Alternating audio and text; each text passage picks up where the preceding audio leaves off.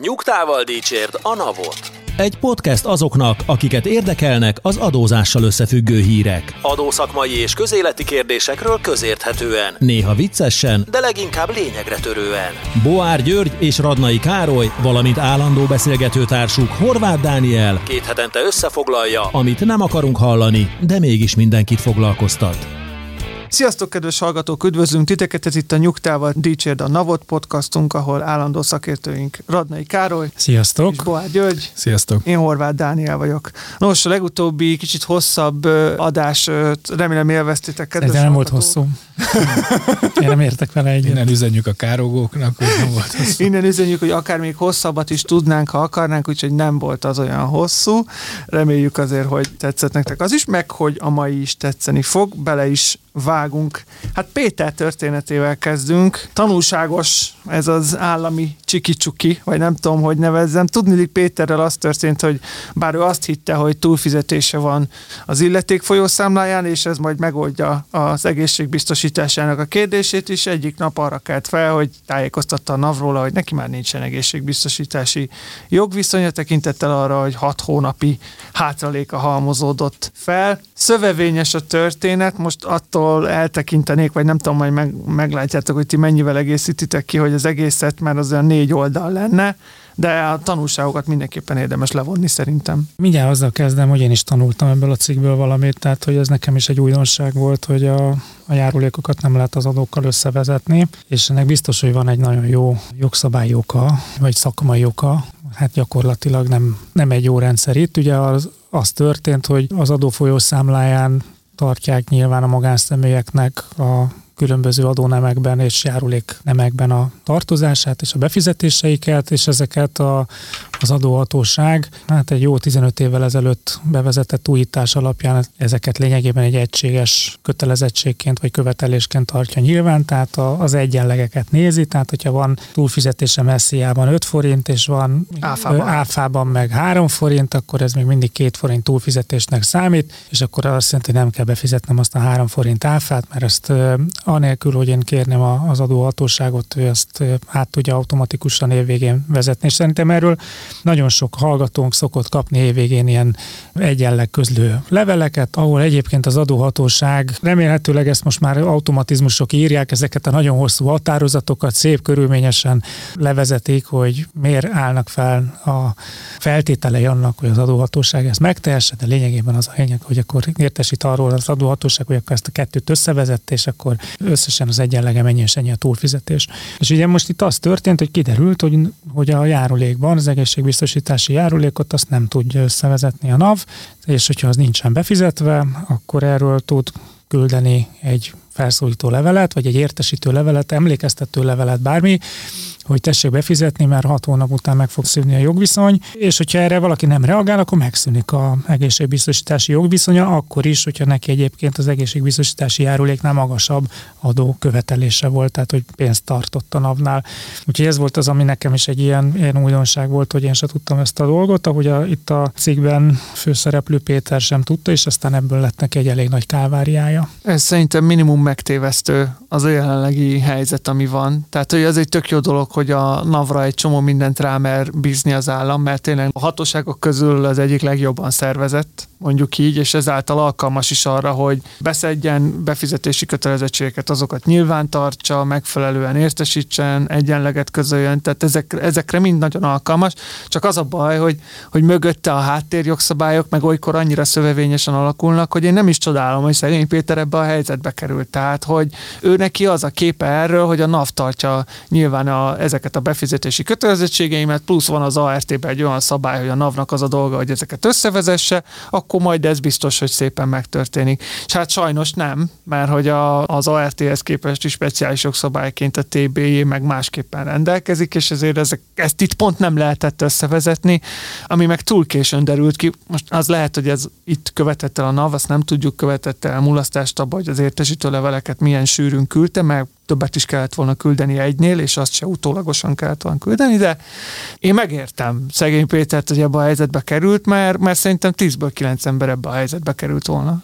Ez a diszkrepancia, vagy nem is tudom micsoda, ez, ez egy örökség, tehát a, ugye azért elég sok minden történt a TB-vel az elmúlt 15 évben, hogy ez, ez tulajdonképpen így, így maradt. Tehát a kontextus ugye az, hogy azért ez egy elvileg régebben egy elkülönült pénzalap volt. Igen, kétségtelen, és valószínűleg ez a mögöttes oka annak, hogy nem lehet összevezetgetni. Uh-huh.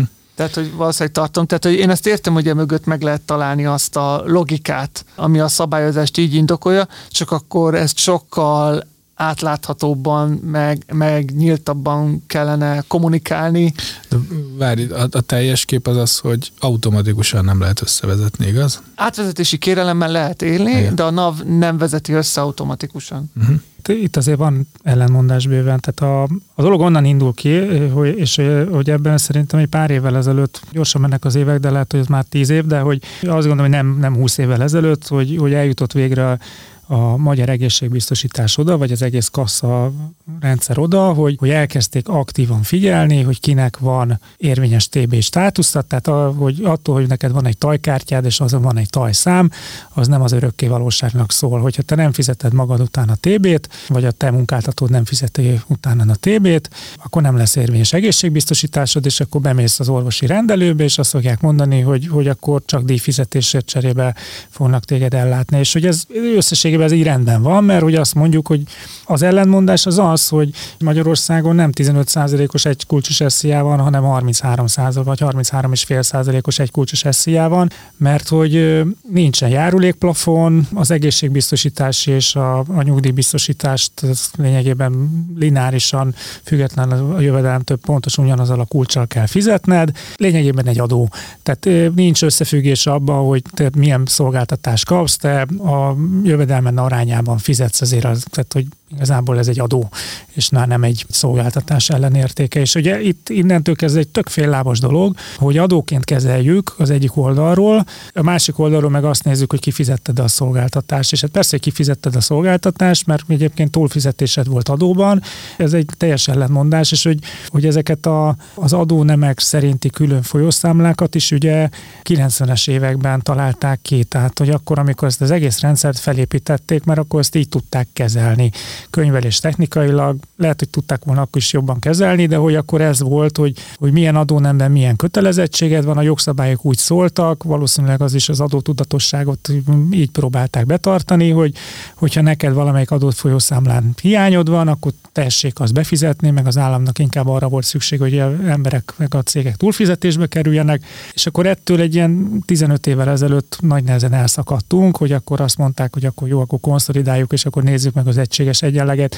Igazából semmi értelme már ennek az adónemek szerinti folyószámlának, tehát hogy lehet ilyet csinálni, de hogy pontosan meg lehetne úgy le, be lehetne fizetni, hogy te megjelölöd azt, hogy te egyébként a közleményben azt a kódot, hogy te tudom, beírod az adószámot per, és akkor beírsz egy háromjegyű kódot, hogy ezt te milyen adónemben fizeted be, azt úgy lekönyveli akkor ezzel az automatizmussal. szokott lenni, úgyhogy azt Azzal az automatizmussal le is tudná könyvelni a NAV, és akkor kész. És teljesen értelmetlen ezt az adófolyószámlás dolgokat csinálni. Ugyanígy ki tudna neked mutatni egy kimutatást, hogy neked az adott adó nemben milyen kötelezettségeid voltak, és te mennyit fizettél be, de hogy igazából ez már csak játék a számokkal, teljesen értelmetlen, és hogy, hogy ennek a fenntartásának abszolút nem látom. Azon kívül, hogy a napnak így, így a szokások alapján így megszoktuk, és így nekünk könnyű, nem praktikus. Egyébként, hogyha most én magánszemélyként befizetném az SZIA-mat, mert hogy befizetem csak, szóval, hogy de rossz számlára utalom, mondta valamit, mondjuk áfára utalok,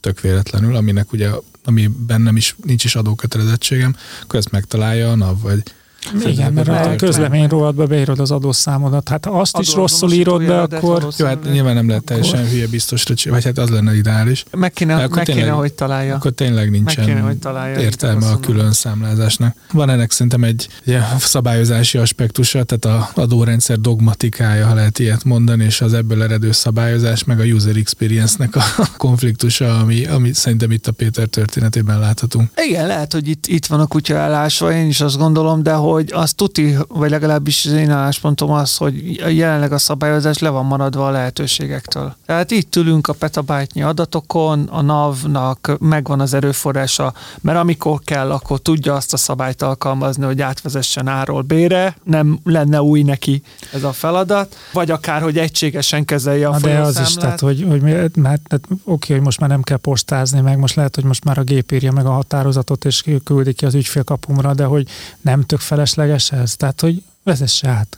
Kész, nem tök mindegy, és hogy, hogy nekem miért kell arra odafigyelni, és mondtam már nektek ezt pár adásra ezelőtt is, volt szó, hogy milyen szuper dolog a, az ESCA, mindaddig igen, amíg az automatizmusokat követed és le akarod okézni, de hogyha ott, ott egyébként bele akarsz nyúlni a rendszerbe, és én egyszer ezzel már megjártam, hogy ezt az átvezetést így végig akartam csinálni, és most már meg nem tudom mondani, hogy miért, de hogy így elakadtam, és én tudtam, és nyilván jól megszívtam volna, hogyha most járulékról van szó, de hogy én is tudtam azt, hogy tök mindegy. És így 10 perc után valamiért ilyen technikailag állandóan valami a hibába ütköztem, és hagytam a fenébe az egészet. Hmm. Minek megy el nekem is az idő, meg az adóhatóságnak és az, ügye, az ideje arra, ami egy teljesen nyilvánvaló, hogyha az egyiken túlfizetésem van, a másikban meg a hiányom van, akkor összevezetem, és kész. Abszolút, tehát hogy, hogy ennek az automatizmusnak egy bizonyos szintig működnie is kell, csak hogy szerintem azért abba lehet kapaszkodni, hogy Gyuri szokott mindig az önrendelkezési jogról beszélni, főleg amikor az EAFát tárgyal tárgyalgatjuk, és mindig azt mondja, hogy mi lesz akkor, hogyha itt Általában teljesen, szelektíven teljesen szubjektíven választunk lesz, hogy, hogy, itt is, tehát hogyha megkeletkezik egy túlfizetés, akkor azért lehet, hogy arra kell terepet hagyni, hogy mondjuk te eldöntsd azt, hogy ebből mennyi az, amennyit át szeretnél vezetni, mennyi az, amennyit ott hagysz a folyószámlán, mert tudod, hogy de abba... Miért? De, de, de, de, de, az egyik, van egy túlfizetésed, a másikon meg hiányod van, akkor nem tudod visszaigényelni azt az összeget. Hát ja, Tehát, hogy, hogy nem adja vissza neked a NAV, mert azt fogja mondani, hogy de hát a másikon hiányod van van, tehát hogy innentől kezdve tök értelmetlen ezt külön nyilván, és azt értem, hogy a pénzügyminisztérium is szeretné ezeket ilyen folyószámla szerűen, mert neki a költségvetésnél az, hogy hogyan teljesülnek az adóbevételek, itt sokkal könnyebb mérni, de hát baszki, a 21. században vagyunk, digitálisan utalunk, meg lehet találni a módját annak, hogy ne folyószámlákat vezessünk külön, és 42 darab külön utalást kell csinálni, hanem hogy úgy kelljen bereferálni a, a megjegyzés rovatot, hogy az, az helyre kerüljön. Ebben veled vagyok abszolút. Majd kisipoljuk. De ha már a adóbevételeket... A folyószámlát? Igen, annyiszor elhangzott, hogy az most már muszáj lesz. Ha már az adóbevételeknél tartunk, akkor, akkor ezen az úton megyünk tovább. Globális minimumadóval fogunk foglalkozni. Korábban volt már egy általunk többször véleményezett szám, ez a 220 milliárd dolláros éves előrejelzés. Na most ezt egy kicsit mélyítette az elemzését ezzel kapcsolatban az OECD, és új számokkal jelentkezett most úgy tűnik legújabb munkadokumentumunk alapján, hogy összesen 155 és 192 milliárd dollár közötti bevételre számítanak a Globe-ból éves szinten. A hírben a meglepő az, hogy az OECD szerint például Magyarország jár az egyik legjobban. Hát nem. Mármint, hogyha 182, mennyi milliárd? 100, 155 és 150, 192 milliárd, milliárd ez képest mi meg csak 100 milliárdot kapunk a forintban, tehát ez azt jelenti, hogy az egésznek a Töredéke. töredékét, az egy 600 részét, közben 200 állam van a földön, tehát hogy arányaiban le vagyunk maradva. Szerintem egyébként nem jó az a 150 és 192 milliárd dollár közé tett becslés de mindegy is. Nekem az volt ebben a hírben nagyon érdekes, hogy olyan, mint hogyha nem most jöttek rá ezekre a dolgokra, ezekre az összefüggésekre, de olyan, mint hogyha mind, ha most jönnének rá. Tehát, hogy, és a külföldi kollégákkal is, amikor beszélgetünk, hogy a német kollégák is most jönnek rá, hogy a, hát nekik igazából nem nagyon lesz most a global bevételük, mert hogy, hogy a német cégek eddig is 15%-nál több effektív társasági adót fizettek, és most, hogy bevezették, a minden tagállam be fogja vezetni a, a, a top-up taxet, tehát tehát ők abból igazából nem látnak. Arról beszéltünk, hogy ennek kik a legharcosabb támogatója ennek az egész glob dolognak, akkor ugye mindig előjött, hogy hát a németek, a franciák, az olaszok, a spanyolok, azok, akik egyébként magas társasági adót tartanak, mert hogy most szeretnék azt, hogy a, a többiek, de igazából csak tök jót tettek azokkal az országokkal, ahol alacsony volt a társasági adó, mert most erőnek erejével mindenhol föl kellett emelni, tehát nem, nem lesz egy ilyen kompetitív verseny, hogy én felemelem, a másik nem, akkor nek oda fog menni, mert mindenkinek fel kellett emelni, ezért senki nem fog elmozdulni. Az egy nagyon illúziórikus dolog azt gondolni, hogy azért, mert most már 15% lesz Magyarországon a társasági adó, ezért az a sok német autóipari cég az hirtelen majd visszamegy Németországba, tehát hogy, de ezzel lényegében nagyon jót tettek a, a magyar költségvetéssel, hogy olyan, mintha ezeket a teljesen nyilvánvaló következményeket, ezeket nem, nem, nem látták volna az elején. Ez a hír, meg az OECD-nek a kommunikációja ezzel kapcsolatban egy kicsit furcsa. Emiatt szerintem már a második bekezdés ebben a cikkben egy, hát szerintem a legnagyobb meglepetés az egész cikkben, ugyanis az a mondat hangzik el az OECD képviselőjétől, hogy komoly siker az új adórezsim tehát január, hanyadika van, nem tudom, 10x, 16-a, és körülbelül kettő és fél év múlva fogunk riportálni először globális minimumadóról, és most azt hangoztatni, hogy komoly siker az új adórezsim, majd négy bekezdéssel arra bevallani, hogy egyébként olyan, nem tudom, 50%-kal túlbecsültük a, a várható adóbevételeket, tehát ez, a, ez szerintem ez ilyen, egy ilyen hurrá jelentés, vagy ilyen megveregettük a saját vállunkat, milyen fasz a gyerekek vagyunk, hogy megcsináltuk ezt ezt a rendszert, de igazából rohadtul nem tudjuk, hogy mi lesz ennek a vége. Tehát, hogy nem értem ezt, a, ezt az optimizmust, de sokkal, hogy majd megalapozottabb vélemény lenne az OECD részéről azt mondani, hogy tök nagy siker, hogy már 57 vagy hány ország hajlandó bevezetni egyébként a kezdeti nagy lendülethez képest. Az is nagy siker, hogy, hogy azért van egy globális egyetértés egy ilyen rendszer kialakításában, de azt nem mondjuk már, hogy tudjuk, hogy milyen hatása van. Hát évek múlva fogjuk látni az első számokat. És ők egyik évről a másikra egyébként csökkentették a várható bevételeket 70 milliárd dollárra. Tehát, hogy és mit szóltak ahhoz a kijelentéshez? Mit szóltak ahhoz a kijelentéshez, hogy Magyarország adóparadicsom? Hát ezt szerintem az újságíró írta oda, hogy a magyar, nem, vagy ezt nem. Az ezt az OECD mondja, mert hogy... hogy befektetési központként azonosítja Magyarországot tekintettel arra, hogy a bruttó hazai termékhez viszonyítva több mint 150 százalékos a befelé irányuló közvetlen külföldi befektetések aránya, ergo ez egy adóparadicsom. Hát szerintem van egy nagy félreértés abban, hogy Magyarországra miért jön a külföldi tőke, és hogy a, ha valaki azt hiszi, hogy a 9%-os társasági adó miatt, akkor nem érti, hogy, hogy, hogy a kelet-európai gazdaságok mitől sikeresek. Tehát, hogy van egy hasonlóan jól működő infrastruktúrájuk, mint Nyugat-Európának, harmad annyi bérekkel. Tehát sokkal olcsóbb. Nem az adó az olcsó, hanem a, munkaerő. És ugye ez adta itt a, a, a versenyelőnyt, és hogy ezek a szolgáltató központok nem a magyar adórendszer miatt jönnek Magyarországra, hanem az olcsó munkaerő miatt.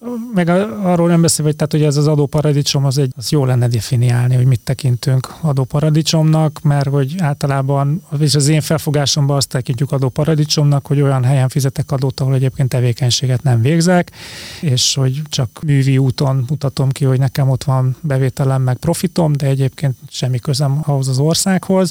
Hát Magyarország meg nem ilyen, tehát hogy itt egy substance alapon, tartalom alapján fizetünk adót, és egyébként a, ahhoz a felvetéshez mit szóltok arról, mi a véleményetek, hogy az OECD szerint az abszolút siker lenne, hogyha, hogyha összecsúsznának az országok különböző TAO kulcsai. Erről is már beszélgettünk, hogy ez, hogy ez mennyire egészséges, hogy akkor most Emiatt ugye bevezetik ezt a 15%-ot, gyakorlatilag reagálnak az országok, ugye a közel-keleti államok sorra vezetik be a társasági adót például, mások kulcsokat emelnek. Multinacionális cégek szempontjából nézve, hogy kiszámítható tevékenységük legyen, Szerintem ezt ők is üdvözölnék, nem csak az OECD, tehát hogy nem arra kell koncentrálnom egy adott országban, hogy milyen az adórendszere, mert hogy ez egy adottság, és fogom tudni, hogy, hogy milyen, hanem, hanem arra, hogy mi az a piac, mi az a felvevő piac, és ebből a logikából kiindulva, meg a OECD szempontjából szerintem ez egy, ez egy igaz felvetés. Mondjuk ez szerintem meg féloldalasan igaz, mert hogy igazából tök mindegy az adókulcs, mert hogy önmagában nem elegendő az adókulcs ahhoz, hogy ugyanolyan adóterheléssel működjünk, szóval hogy igazából akkor ez az igény az úgy kellene, hogy megfogalmaz megfogalmazódjon, hogy harmonizált adóalap megállapítási rendszer és hát, harmonizált adókulcs. Igen, hogy... Az lehet üdvözlendő, vagy az lehet a, az egységesítésnek a, a fokmérője. Az, hogy hány százalékos az adókulcs, szerintem az önmagában nem. Na de üdvözlendő, tehát hogy többször is beszélgettünk arról, hogy Magyarország hát igen, az nem, csak, nem csak az adórendszere miatt, hanem nagyon sok egyéb tényező miatt is, de az adórendszerén is sok módosítást hajtott végre az elmúlt mondjuk 10-15 évben ahhoz, hogy külföldi beáramlott tőke szempontjából egy versenykép versenyképes adórendszer legyen. Ebben teljesen igazad van, hogy egy, adó, egy adott országnak a mozgásterét megnöveli, hogyha egyébként egy globális átlaghoz képes kedvezőbb szabályokat tud alkotni ez akkor is a kiszámíthatóság szempontjából, és azt gondolom, hogy, hogy, hogy az lenne az üdvös, és most nem mint magyar adótanácsadó mondom, hanem mint egy ilyen külső objektív szemlélő, hogy az lenne az üdvös, hogy a szabályok azok mindenhol ugyanazok legyen, lennének. Tehát, hogy mondjuk az Európai Unióban szerintem mindenikünk egyetért abban, hogy az egy elég nagy visszalépés lenne, hogy a harmonizált áfa rendszerből visszalépnénk, és minden ország kitalálhatná, hogy hogyan tudna egy kicsit jobb áfa rendszer kitalálni, amitől aztán az egész összességében csak egy rettentő bonyolult valami lenne. Hogyan lehetne úgy nálunk vámoljunk, hogy aztán utána nálunk akkor kevesebb a vám, de akkor részese lehessen a közös piacnak. Tehát ezek, ezek olyan tehát ha van közös piac, akkor annak nyilván közös szabály kell, hogy legyen. Alapvetően az Európai Unió egy jó tulajdonságként fogja fel, hogy az áfa, meg a jövedéki adó, meg a vámszabályok azok harmonizáltak, és azért valahol a társasági adónál is igaz ez. Ha abból a szemléletből nézzük, hogy mondjuk én egy multinacionális cég vagyok, és én szeretnék sok országban működni, nekem az a jó, hogyha ugyanazokkal a szabályokkal tudok adózni is. Utolsó naív kérdésem a témában, hogyha Magyarországon a legnagyobb adóbefizetőknél 15% a TAO, akkor csökkenteni kell az áfa kulcsot? Nem értem a, a kérdést, és az Mert tehát, hogy, a hogy a, az összefüggést. áfa kulcs az, az sok, sokszor elmondtuk, hogy az annak köszönhető, hogy mi egy forgalmi típusú adózással megyünk, és hogy ez is a versenyképes adórendszer. Ezek erővel, akkor a, értem, amit mondasz, vagy gondolom. Szerintem az, hogy melyik adónemen milyen kulcs van, és abból milyen bevételt számolunk, vagy várunk, azért az, ez nem egy zéró összegű sztori. De lehet, de hogy... Egyetértek, tehát hogy ettől, hogy valamiből lett egy plusz bevétele, nem kell lecsökkenteni a másikat, illetve hogyha meg mindenképpen arra akarom fordítani, akkor meg én nem az áfát csökkenteni, ami egy jól teljesítő valami, hanem van, van csomó olyan adónemünk, amit meg ki lehetne dobni az ablakon, de hát erről már sokat beszéltünk. Na jó, hát akkor repüljünk tovább egészen a Liszt Ferenc reptérig, ahol hát hatalmas rekordok dőlnek, kedves hallgatók, nem is számítanátok rá. A NAV közölte, hogy a repülőtéri igazgatósága csak nem 6 millió küldeményt vámkezel havonta. Tavaly novemberben és decemberben az elkereskedelmi küldemények száma már elérte a havi 9 milliót. A tavalyi forgalom a 2022-eshez képest több mint a duplájára nőtt, azaz 2023-ban 81 millió csomag érkezett repülőn Budapestre. Én tényleg szeretnék kimenni oda a helyszínre, és megnézni, hogy ott mi történik, mert hogy ezek olyan számok, hogy ezt, ezt nem is tudom elképzelni. Tehát hogyan lehet 130 millió csomagot vámkezelni és ellenőrizni. Kénytelenek leszünk videókontentet is gyártani mostantól. Dani, te nálam sokkal szakavatottabb vagy ilyenekben, de hogy a Liszt Ferenc repülőtéren évi 10-15 milliós nagyságrendű szám forog. És akkor ott van a szemünk előtt, hogy az 0-tól 24 óráig, és hát ez nem igaz, mert hogy van 6 órában, amikor nem járnak repülők, de hogy állandóan tömeg van, borzasztó hosszú sorok, és ez, ez, ez a 10-15 millió utas keresztül megy ezeken az ellenőrzéseken, és akkor most képzeljük el, hogy ennek a tízszerese az, amit így csomagban kell ellenőrizni, hogy ezt is valakinek ott monitoron néznie kell, hogy mi van benne, mi nincsen benne, az van-e benne, és ugye ez, még, ez szerintem még nehezebb is annál, mint amikor azt nézzük, hogy van folyadék, nincs folyadék, van-e revolver, nincs revolver, meg mit tudom, meg erre még szerintem mindenféle ilyen izért mesterséges intelligenciát is rá lehet a, rakni, hogy fölismeri a, az ember helyett is, hogy itt a legkülönbözőbb termékek jönnek, és az egyik termékre az van ráírva, hogy 10 darab faguriga van benne, a másikra az van írva, hogy 20 darab játékautó van, és akkor megnézni, hogy átvilágítani, hogy először is nincsen benne kábítószer, meg revolver, meg nem tudom micsoda, másrészt, hogy tényleg az van-e benne, ami biztos, hogy vannak erre megoldási, de hogy fizikailag ezt nem látom át, hogy ez hogy tud átmenni a navon. Papíron minden küldeményt ellenőriznek, ez biztos, hogy így van. Hát abban egészen a, biztos voltam. Meg a kiadott gyakorlat az, az ez, hogy mindegyiknek át kell menni az ellenőrzésen, hiszen tiltott áruk nem léphetnek be nem csak Magyarország, hanem ezáltal az Európai Unió területére sem. Tehát, hogy ilyen szempontból még kiemelt felelőssége is van a, a reptéri igazgatóságnak, úgyhogy én azt gondolom, hogy papíron biztos, hogy minden küldeményt vizsgálnak, de én nem dolgoztam a reptéri igazgatóságon, tehát azt nem tudom, hogy ez, ez, ez milyen szintű vizsgálatot jelent. Azt nyilvánosságra hozta a NAV, hogy 2023-ban 34.500 hamis terméket szűrt ki. Na most ez ahhoz képest, hogy 81 millió csomag érkezett repülőn Budapestre, én most nem matekoztam ki, hogy ez hány százalék, de nem sok. Most vagy nagyon jó, és nagyon kevés hamis termék érkezik ide, vagy nem elég hatékony az ellenőrzés, ezt nem tudom megítélni. Ezeknek a csomagoknak is keresztül kell menni, még gondolom, egy biztonsági ellenőrzésen is, hogy nincs benne bomba, hogy föl ne robbanjon a repülő. Igen. Jó, ezen sosem gondolkodtam el, de hogy így most ezeket a Lehet, számokat leírva, hogy... Kicsit belelátunk a logisztikának a rejtelmeibe, hogy, hogy ezt, ezt fel is kell adni, tehát hogy képzeld el mondjuk, nem tudom, a Sánkhái repteret, ahonnan ezek indulnak, és, és a 133 millió csomag, ez csak egy töredék annak, ami onnan indul. Igen. Bár azt írják, hogy egyébként Kelet-Közép-Európában most a Ferjegy az egyik legnagyobb logisztikai bázis, ahol a ilyen csomagküldés szempontjából a hát, legtöbb... is megéri megvenni, nem? Ezt a repteret meg a csomagokat. Azt akartam megkeresni közben, hogy a reptéri vám igazgatóságnak hány, tehát milyen létszámmal dolgozik, de nem találtam meg a lavos könyvben. Hát azt most én sem, azt én sem tudom megmondani, úgyhogy, de, de mindenképpen érdekes a hír, meg az látszik, hogy a NAV büszke erre, hogy el tudja végezni ezt a feladatot, ami egyébként igen, tehát horribilis horderejű, úgyhogy büszke is lehet rá, hogyha tényleg megfelelő, meg, meg hatékony az ellenőrzés ebből a szempontból. De ha már kimentünk a reptérre, akkor induljunk el nyaralni akár Velencétől Baliig, ugyanis új díjakat vezetnek be ezeken a helyeken a túl sok turista miatt. A túlturizmus, nem tudom is eddig hallottatok-e már erről a fogalomról, de most már ez is létezik, egy olyan jelenség, ami a legnépszerűbb ö, úti céloknál jelentkezik, Velence, Bali, de akár Barcelonát is például ide sorolhatnánk, és egyre több helyen az adórendszerhez nyúlnak, hogy valahogyan kezeljék ezt a helyzetet, idegen forgalmi adó bevezetésével, vagy a mértékének a növelésével. Hát így van ez a not in my backyard kifejezés az angolban. Addig szeretek dolgokat, amíg aztán nem velem tört történnek, és itt a turizmusnál is ez van, hogy nemzetgazdaságilag nagyon nyomjuk, hogy jöjjön a sok turista, aztán jön a sok turista, és akkor az ott lakók egyébként meg, meg rájönnek, hogy ők nekik ez meg egyáltalán nem jó, és aztán a helyi polgármesterek meg rájönnek, hogy őket nem a turisták szavazzák meg, hanem a helyben lakók, úgyhogy egyébként a, a városnak az lenne az érdeke, hogy legyen nagyon sok turista, de hogyha ő meg szeretne polgármester maradni, akkor azt kell képviselnie, hogy a turisták ne jöjjenek, és ez egy ilyen teljes ellenmondás, demokrácia újabb anomáliája, hogy nyilván azok az emberek, akik csak a turistákat látják, azok, azok nem gondolkodnak feltétlenül olyan perspektívikusan, hogy egyébként lehet, hogy, hogy neki, meg a családtagénak azért vannak jobb munka lehetőségei, meg a városban azért jobbak az utak, meg tudom én, mert hogy a turisták egyébként sok pénzt adjanak ott a helyi vállalkozásoknak, és azok a helyi vállalkozások meg utána építik a várost.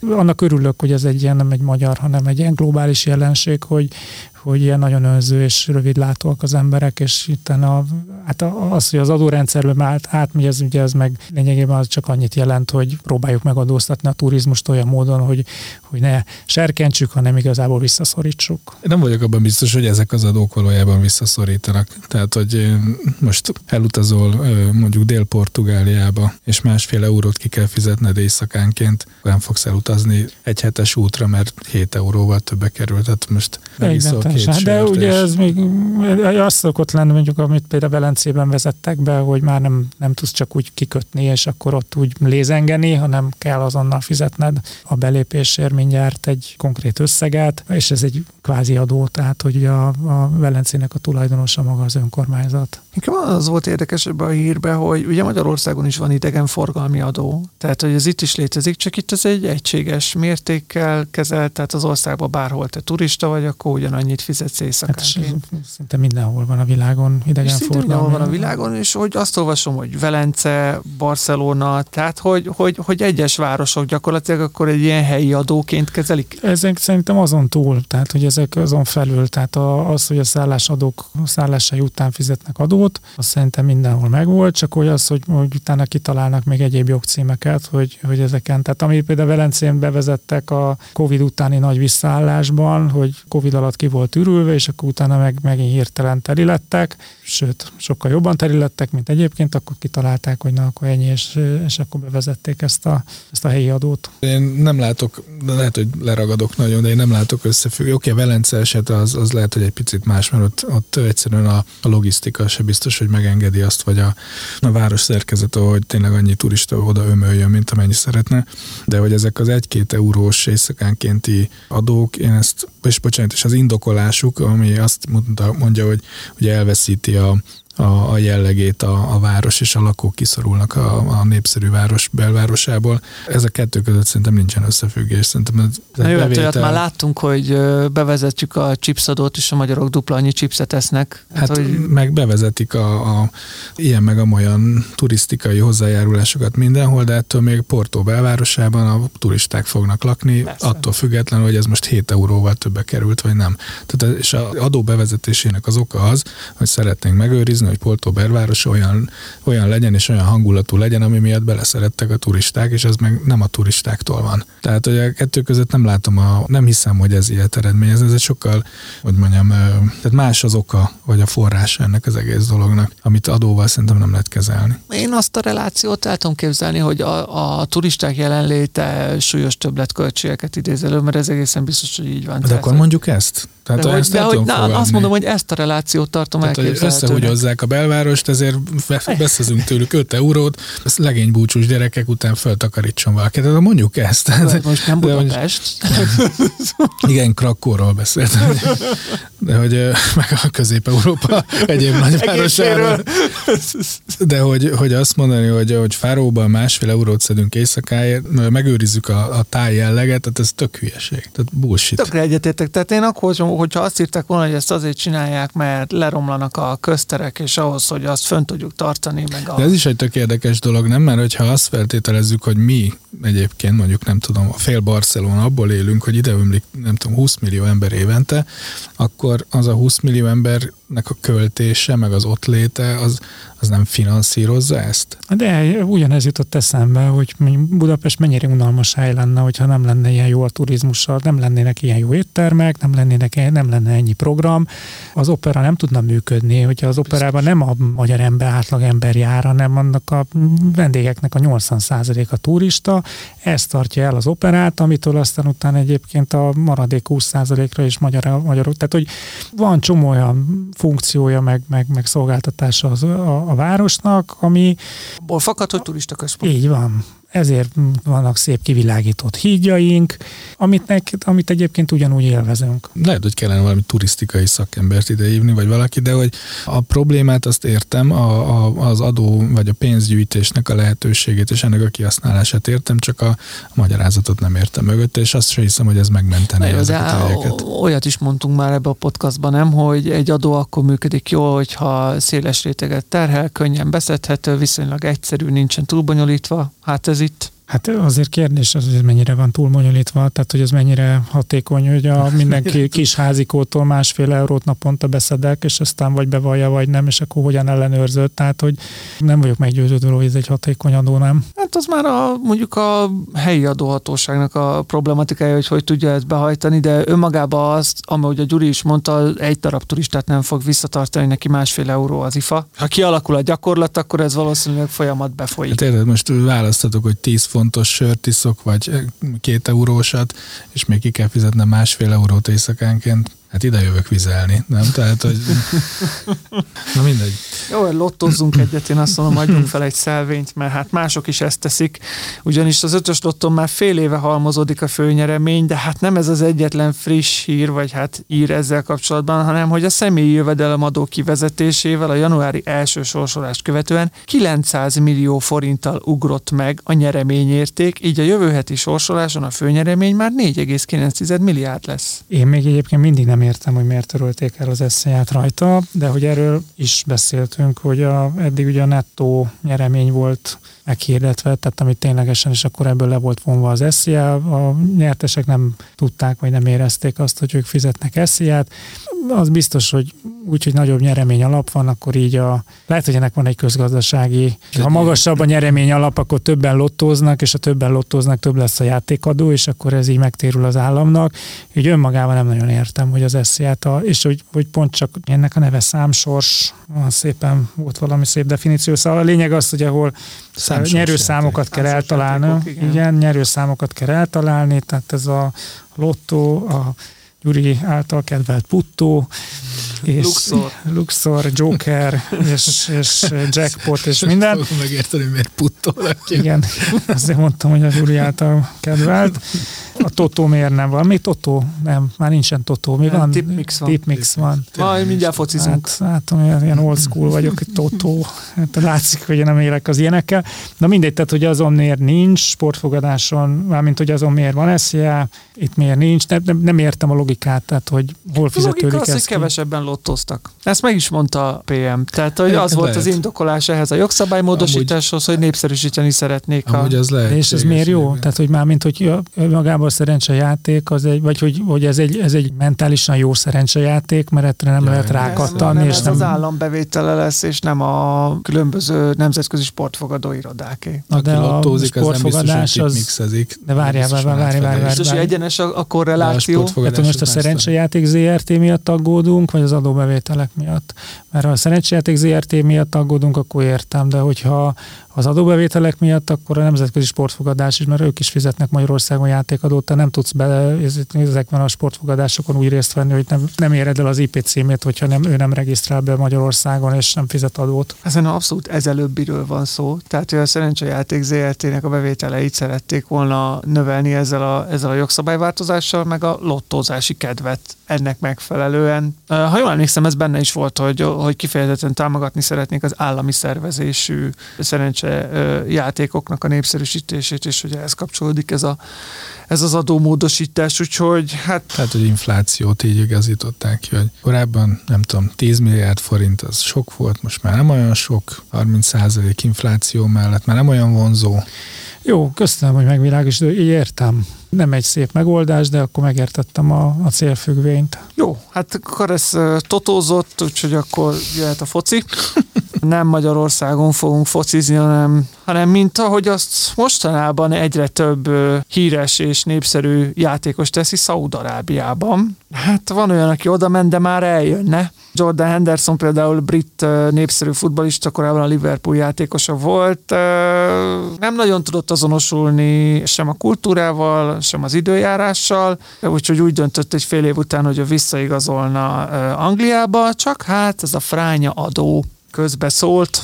Ugyanis Szaudarábiában főszabály szerint a labdarúgók fizetése adómentes, hát ezért is lehet olyan magas többek között például. Igaz, hogy csak akkor, hogyha kitöltik a szerződésüket. Hősünk pedig erre nem igazán vállalkozna, hanem pont, hogy eljönne a, a Saudi ligából vissza Európába, és akkor ez még csak a probléma egyik része, mert a másik része az, hogy mivel igen hamar visszatérne, ezért Angliában is adórezidensnek minősülne. Mondjuk azt, hogy a Jordan Hendersonunknak megbevallom, nem tudom, hogy kicsoda, de biztos híres. Szóval, hogy súlyos döntést kell meghoznia, hiszen le kellene mondani az ad, a bevételeinek, vagy várható bevételeinek a, hát nem is tudom hány százalékáról. Van egy számítás arról, hogy összességében mennyit veszíti el, de több, mint a felétel. Hát azt mondja, hogy, hogy 20%-os jövedelemadót kéne fizetnie Szaudarábiában. az 7,5 millió font lenne. Emberek, 7,5 millió font. És ez, és ez csak a 20 Ez, százalék. ez csak a 20 százalék. És, és aztán ha és, és, hazaköltözne. akkor, és akkor, ha hazatér, akkor, akkor még Nagy-Britanniában is adóznia kéne a teljes fizetése után, mert a Szaudarábiában kapott fizetése után is, mivel adó, adórezidensnek minősülne, ott konkrét számot azt én most nem emlékszem, Hát hogy meg ott elvileg akkor beszámíthat, tehát ott azért azt nem hiszem, hogy úgy szólnak, ahogy Magyarországon sem úgy vannak, tehát attól függetlenül, hogy van-e triti vagy nincs triti a két ország között, vagy adóegyezmény, ettől még le lehet vonni a külföldön megfizetett adót. Tehát, hogy azért azt erős túlzásnak érezném, hogy az, az a végeredmény, hogy 20% Szaudarábiában, és akkor még egyébként Angliában is kell fizetnie ugyanennyit, és akkor 40, vagy, vagy még ennél is több. Tehát, hogy valószínűleg inkább az zavarja, hogy szembesülni kell az angol adószabályokkal, ami elől olyan jó volt elmenekülni a meleg napfényes Szaudarábiába. Érdekes a, a szaudi szabályozás is, nem? Tehát ha kitöltöd a szerződésed, akkor, Akkor adómentes az állam és a profi futball összefonódásának egy csodálatos megnyilvánulása ez is, találhatnánk más példát is, de hogyha hamarabb lépsz le, akkor bizony fizesd meg a, a jattot érte. Szegény Sakira története után én nem gondoltam volna, hogy vala azt fogom mondani, hogy milyen kedvező a spanyol adórendszer, rendszer, de hát a, a, a brit adószakértő Spanyolországot ajánlotta a hősünknek, hogy ha odaigazolna, akkor ott sokkal kedvezőbb a szabályozás, mert ott 183 napban mérik az adórezidens minőséget, meg hogyha például Barcelonába jársz fodrászhoz, akkor lebuksz, de... Tehát ugye azért valószínűleg onnan indult, hogy én is elfelejtettem, milyen Henderson? Jordan. Jordan Henderson. A méltán híres. Hát itt ilyenkor lebuktunk, hogy hiába szeretjük a focit, azért én ennyire nem követjük. Gondolom, hogy az volt, hogy hogyha egyik pillanatról a másikra át akart igazolni, és szaudi illetőségű akart lenni, akkor neki ki kell jelentkeznie az Egyesült Királyságból, és hogy akkor elindulnak, hogyha valaki elhagyja az Egyesült Királyságot, akkor de két éven belül visszajön, akkor úgy vesszük, hogy akkor nem jelentkezett ki, és akkor minthogyha el se hagyta volna az Egyesült Királyságot. Tehát ami szerintem egy logikus szabály, tehát hogy ez nem ilyen, hogy elmentem, nem fizetek adót, holnap után visszajövök, és akkor megint fizetek adót, és akkor arra a két napra jutó jövedelmet meg nem akarom leadózni. Tehát, hogy, hogy ez szerintem egy tök logikus ö, rendszer. Abban meg mindig azért elég nagy hátulütő van, amikor, amikor emlékszem, hogy Dubaival megkötöttük a kettős adózást elkerülő egyezményt, akkor én azt úgy neveztem, hogy ez a kettős adó elkerülést engedélyező egyezmény, mert hogy, hogy ilyet egyébként nem lehet. Ez egy szakmai hiba volt Dubaival adóegyezményt kötni akkor, amikor Dubajban nem kell fizetni SZIA-t, mert ugye akkor deklarálni lehet, hogy, hogy az ott megkeresett jövedelem, akkor az Magyarországon sem lesz adóköteles, és hát itt ugyanez van, hogy próbálok játszani, hogy, hogy elmegyek a nem túl transzparens Szaudarábiába, és nem fizetek adót, és utána igazából megpróbálom kijátszani a, a, az otthoni szabályokat. Tehát... Én csak arra hívnám fel a figyelmet, hogy, vagy kérdezném tőletek, hogy szerintetek, tehát itt azért tényleg karcos összegek vannak hogy el tudjátok képzelni, hogy a méltán híres Jordan Henderson úgy igazolt át Szaudábiába, és úgy kötötte meg a szerződést, hogy előtte nem beszélt egy tanácsadóval. Ezt én simán el tudom képzelni, tehát ő csak azokat a dollárjeleket látta a szerződésre írva, meg hát egyébként ez is a logikus, tehát hogyha azt mondja, hogy én ki fogom bírni, de nem bírja ki. Én inkább azon vagyok meglepődve, hogy, hogy a, a klímára panaszkodik, Igen. hogy meleg van. Ez meg a kultúrára. A kultúrára. Tehát, Jó, tehát akkor akkuvedőre se nézett rá. Tud, igen, tud, úgy volt vele, hogy tízezer fontért kirepülhetnék, visszarepülhetnék, de áh, írjuk inkább alá. Igen, te mit gondolt, hogy miért fizetnek tízszer annyit? Na mindegy. Hát és akkor, ha adóbevételekkel kezdtük, akkor zárjuk is adóbevételekkel.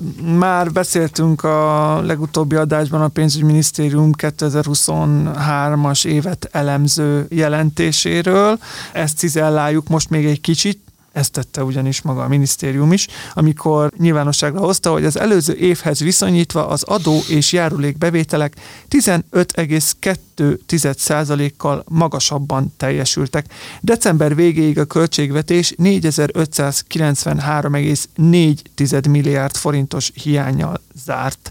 Mit mondanak nekünk ezek a számok? Hát azt, hogy a költségvetési hiányszámok, azok ugye százalékosan szoktunk arról beszélni, de hogy, hogy közben a, tudom én, az első a 2,9-es, aztán utána 3,9 százalékra módosított költségvetési hiányt, nem azokra az adóbevételekre számolták, tehát, és akkor a bevételek még felül is teljesítettek, ehhez képest a, a hiány meg még jobban elszállt, hogy nem a bevételekkel volt a, a nagy baj, azzal is, mert az áfa, áfa bevételekkel nagy baj van.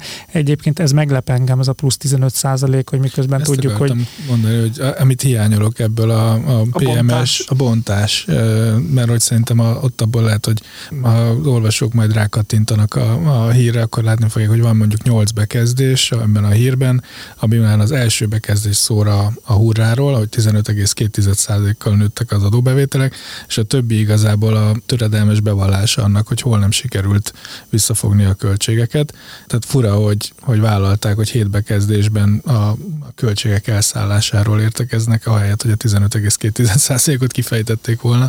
Tehát valószínűleg ott is van, legalábbis én sejtek ott is olyan hiány, hiányokat, vagy olyan, olyan nem várt fordulatokat, főleg valószínűleg az áfa terén, amit inkább nem akartak kitenni az ablakban. Az áfa bevételek szerintem így is a 2023-asak növekedtek a 22-eshez képest, csak azt gondolom, hogy valószínűleg nem abban a mértékben, mint, mint, ahogy, mint amire mondjuk arra a PM, vagy akár a kormányzat egésze számított. Azt gondolom, hogy nominálisan nőhettek, bár valóban nincs bontás, meg de később biztos lesz, és akkor majd fogunk róla beszélni. Nominálisan nőhettek, csak nem annyit, amennyit kellett volna, miközben a költségek, most csak egy példát mondok, az országos és elővárosi közlekedés közlekedési közszolgáltatások költségtérítése 744,2 milliárd forint volt 2023-ban, ez 155,4 milliárd forinttal haladja meg a 2022-ben folyosított forrásokat. Ez a MÁV és a Volánbusz? Országos és elővárosi, igen. Ez is egy több mint 10%-os költségnövekedés, a rezsivédelmi költségekről nem is beszélve, ott kétszeres Hát igen, nekem ezt tetszett, ezek a teljesen váratlan költések, egyszerű és váratlan, váratlan felmerült Vodafone, meg Magyar Posta biztosító ZRT-ben vásárolt tulajdonrészt, tehát ezek a, a nem tervezhető és nem várt kiadások igen. Én szerintem ez egy kisebb és szegénységi bizonyítványa. Hát én értem, hogy tehát valószínű az, hogy valami, valami politikai játszma a háttérbe, és a pénzügyminisztérium most már azért közöl ilyeneket, hogy eltávolítsa magától ezeket a problémákat, mert hogy nem a pénzügyminisztérium indukált ezeket a kiadásokat, és ilyen tárgyszerűen vagy tényszerűen le akarják írni, Abszolút. hogy ezekről nem tehetünk, de hát hogy azért összességében, összességében ezt egy nagyon szomorú közleménynek tartom azzal, hogy én azért szerintem ott az áfánál is van egy, egy, egy, egy, egy súlyos szakmai tartozásuk, hogy, hogy ahogy a túlteljesítés sem értették, és nem tudták jól mérni, úgy az alul teljesítés sem.